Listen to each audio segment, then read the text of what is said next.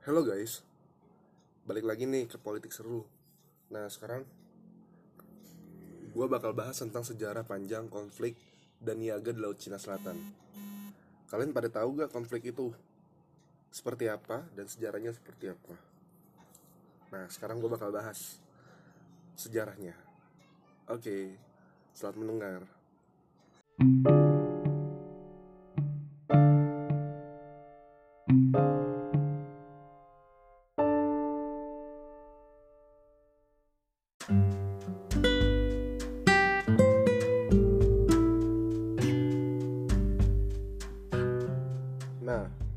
sih gue tertarik membahas tentang Laut Cina Selatan ini?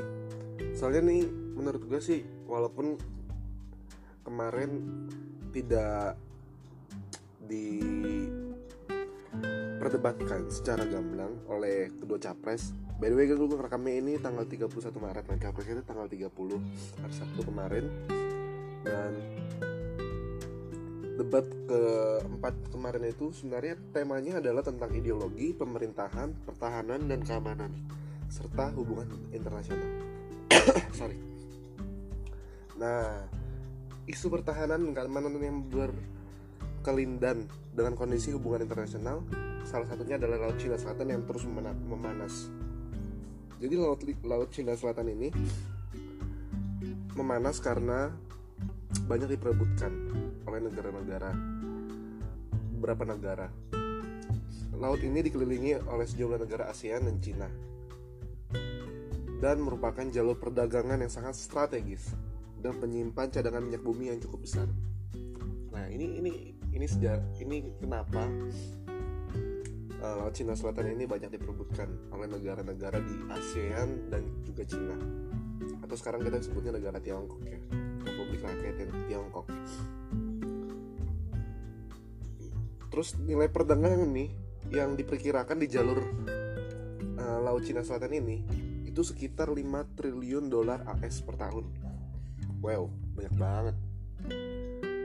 Kalau kita dapetin segitu gimana ya? Lo bakal beli apa cuy? Eh by the way sorry nih ya, gue lagi pilek sama batuk jadi gak enak banget uh, hidung gue nah lanjut aja lah dan kalian harus tahu besaran cadangan minyak itu berapa? Yaitu 11 miliar barrel. Dan gas alam yang mencapai 109 tri, 190 triliun kaki kubik. Wah gila sih banyak banget ya. Makanya nggak heran sih kalau wilayah perairan ini uh, selalu mengalami ketegangan antar negara di sekelilingnya, termasuk Indonesia. Negara-negara yang berbatasan langsung dengan Laut Cina Selatan itu yaitu yang Cina pastinya, Malaysia, Indonesia, Vietnam, Filipina, Brunei, dan ah, ada beberapa wilayah yang saling klaim, klaim gitu loh tentang Laut Cina Selatan ini. Karena ketegangan ini maka masing-masing negara tuh terpaksa. Kalau gue memakai bahasa terpaksa sih untuk memperkuat armada militernya. Karena bisa aja tiba-tiba kan tercetus uh, kata perang di Laut Cina Selatan ini. Nah kalau Indonesia wilayah paling dekat sama Cina Selatan ini adalah Pulau Natuna. Uh, seperti yang diungkapkan oleh Presiden Jokowi pada sebuah acara yang digelar di Yogyakarta Nah, Indonesia bersikap jelas dan tegas terhadap kedaulatan pulau tersebut. Nah, kata Jokowi nih ya, dulu 2016 ada klaim bahwa Natuna Utara itu masuk ke Nine Dash Land dari Laut Cina Selatan. Saya dituduh anti asing. Saya itu ingat, saya bawa kapal perang kita ke Natuna dan saya sampaikan bahwa Natuna adalah teritorial Indonesia tidak rasa tidak ada rasa takut sedikit pun di hati saya untuk melakukan itu. Itu kata Jokowi. Nah selain Indonesia yang memperkuat sektor militer ya eh, negara-negara ASEAN lainnya pun yang kayak tadi gue bilang juga terpaksa untuk memperkuat sektor militernya. Terhitung sejak 2007 sampai 2016 berdasarkan rilis Stockholm International Peace Research Institute pada 2017 terjadi peningkatan belanja militer negara ASEAN hingga 47%. Sementara Cina yang kekuatan militernya paling besar dibanding negara-negara ASEAN tersebut telah membangun tiga pangkalan militer di Laut Cina Selatan.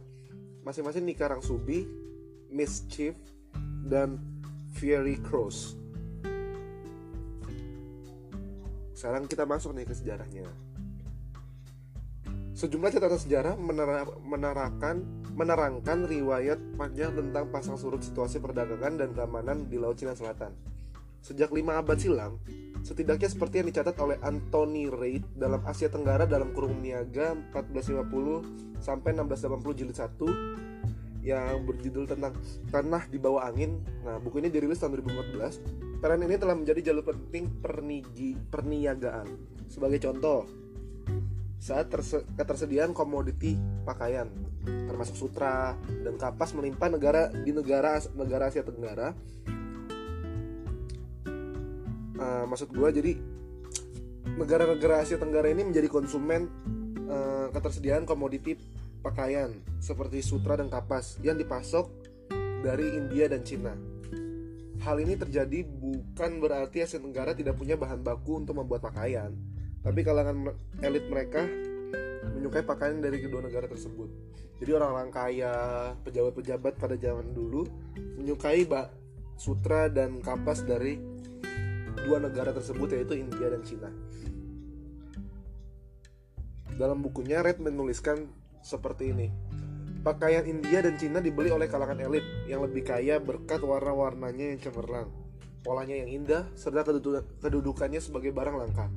Tetapi, penduduk setempat pada umumnya selalu memakai pakaian produksi setempat. Jadi produksi dalam negerinya. Kalau penduduk-penduduk yang biasa, rakyat biasa. Sebaliknya, Cina juga membeli cukup tinggi dalam perdagangan kapas yang banyak tersedia di Asia Tenggara. Bahkan kapas menjadi hasil pertanian utama setelah pangan. Dalam catatannya si Red ini tadi, kapas telah lama ditanam di Asia Tenggara dan diekspor ke Cina. Sejumlah naskah Cina menggambarkan bahwa kapas telah dibawa ke Cina dari Vietnam sejak abad ke-7.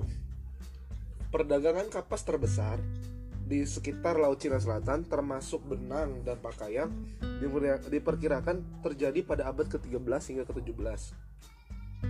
Para pedagang di pedalaman berbondong-bondong membawa barang dagangannya ke berbagai pelabuhan di Asia Tenggara, terutama Vietnam, Luzon, dan Jawa. Nah, selain pakaian kapas dan sutra, komoditi lain yang diperdagangkan di Asia Tenggara adalah emas, perak, besi, keramik, dan lain-lain. Dalam urusan keramik, Cina dari dulu telah terkenal sebagai negara yang lihai dalam membuat barang ini. Ya, kita tahu lah ya, eh, kesenian-keseniannya Cina, barang-barang kesenian Cina tuh bagus-bagus. Yang soal keramik, jadi mereka memang ahli dalam bidang itu keramik campur kaca berkualitas tinggi itu juga diproduksi di Cina dan mereka tuh mengekspor ke negara-negara di Asia Tenggara. Red juga men menulis lagi nih keramik-keramik tersebut dihias dengan indah dan dibakar dengan temperatur yang jauh lebih tinggi daripada yang dilakukan di tempat pembakaran di Asia Tenggara. Piring-piring dan mangkuk-mangkuk itu menjadi barang-barang yang tinggi nilai serta statusnya. Jadi kalian tahu gak sih kalau di Indonesia suka ada kan guci-guci gitu ya? Guci-guci besar yang harganya tuh bisa puluhan juta, ratusan juta. Nah itu yang di dulu juga di ekspor oleh Cina ke negara-negara di Asia Tenggara. Di Filipina, Sulawesi, dan Maluku, keramik dari Cina berupa piring dan mangkuk ditempatkan di sekitar jenazah saat pemakaman untuk menemani yang mati menuju perjalanan ke dunia lain. Dan ini juga menyangkut soal adat. Adat di negara-negara Asia juga membutuhkan uh, kerajinan keramik dari dari Cina tersebut. Nah, dalam bukunya yang lain, si Red ini juga menyinggung perdagangan lada dan kayu sapan. Menurut Reid, Kedua komoditas ini adalah produk yang menonjol dalam pernikahan di Nanyang atau Laut Cina Selatan. Saking banyaknya komoditas lada dan kayu sapan ini dikirim ke Cina, pada abad ke-15 keduanya memenuhi gudang-gudang pemerintah sehingga dipakai untuk membayar sebagian gaji ratusan ribu pejabat dan tentara Cina. Jadi mereka tuh dibayarnya pakai lada men gila ya. Mau makan lada apa tiap hari ya? Aktivitas perdagangan yang berlangsung selama ratusan tahun membuat kebudayaan sejumlah negara berar berakulturasi. Jadi akulturasi itu kayak bercampur. Terjadinya transfer of culture seperti itu. Dennis Lombard mencatatkan dalam Nusa Jawa Silang Budaya yang berjudul Jaringan Asia yang dibuat tahun 2005, kebudayaan Cina telah banyak mempengaruhi negeri-negeri di sekitar Laut Cina Selatan berupa adat istiadat, kepercayaan, dan teknik-tekniknya melalui satu proses asimilasi dan saling mempengaruhi yang berlangsung selama berabad-abad. Kemesraan di Asia, sorry, kemesraan di kawasan sekitar Laut Cina Selatan sebagai jalur perniagaan penting bagi sejumlah negara Asia, Cina, Arab, India, dan Eropa bukan berarti tanpa perseteruan dan konflik. Namun yang perlu dicatat adalah saat itu peperangan lebih menekankan pada raihan tawanan daripada harta benda. Jadi kayak perampok itu terutama bagi negara-negara Asia. Jumlah penduduk yang belum banyak membuat mereka berlomba memburu tawanan untuk dijadikan sebagai budak. Jadi mereka menculik mengambil hartanya lalu dijadikan sebagai budak. Itu yang dilakukan di Laut Cina Selatan.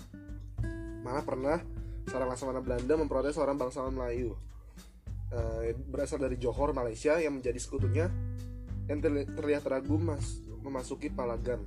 Di sini setiap orang kaya, ini menurut Red ya. Uh, jadi Red mencatat catatan bangsawan dari mayat tersebut. Di sini setiap orang kaya atau bangsawan justru membawa harus membawa sejumlah orang dan masing-masing takut kehilangan sahayanya yang merupakan kekayaan mereka satu-satunya.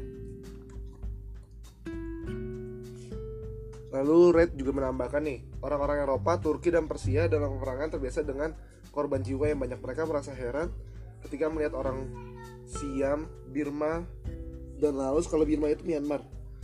Yang jadi sebelum ganti namanya jadi Bir Myanmar itu namanya Birma. Dan negara-negara itu berperang. Di negara Asia Tenggara tersebut orang-orang hanya menembak ke udara atau ke tanah untuk nakut-nakutin doang. Mereka nggak maksud membunuh apalagi membantai. Tapi berusaha menangkap penduduk untuk digiring ke negeri mereka masing-masing. Jadi mereka tuh cuma menggertak doang penduduk penduduk di sana. Terus mereka culik untuk jadi budak. Pinter juga. Lalu memasuki abad ke-15 ketegangan di sekitar Laut Cina Selatan semakin meningkat. Saat mereka mulai mengenal meriam Kulferin yang terbuat dari perunggu yang diperkenalkan oleh Gujarat, Cina, dan Turki. Selain itu, Berkembangnya kebiasaan menggunakan pasukan bayaran semakin mengencingkan ketegangan. Jadi diculik, dijadi pasukan bayaran. Atau enggak dia membayar pasukan dari negara lain untuk berperang untuk negara tersebut. Nah, jadi membayar itu dia membayar pasukan dari negara lain dan pasukan tersebut harus uh, bertugas untuk membela negara yang membayar seperti itu. Dan negara Asia Tenggara terlalu selalu mengharapkan semua orang ikut dalam perperangan, termasuk semua kapal asing yang berlabuh di wilayah di wilayah Jadi misalnya nih ada kapal asing dari Belanda, dari Portugal datang ke Indonesia atau Singapura atau Filipina. Nah, mereka-mereka itu dipaksa untuk mengikuti perang di Laut Cina Selatan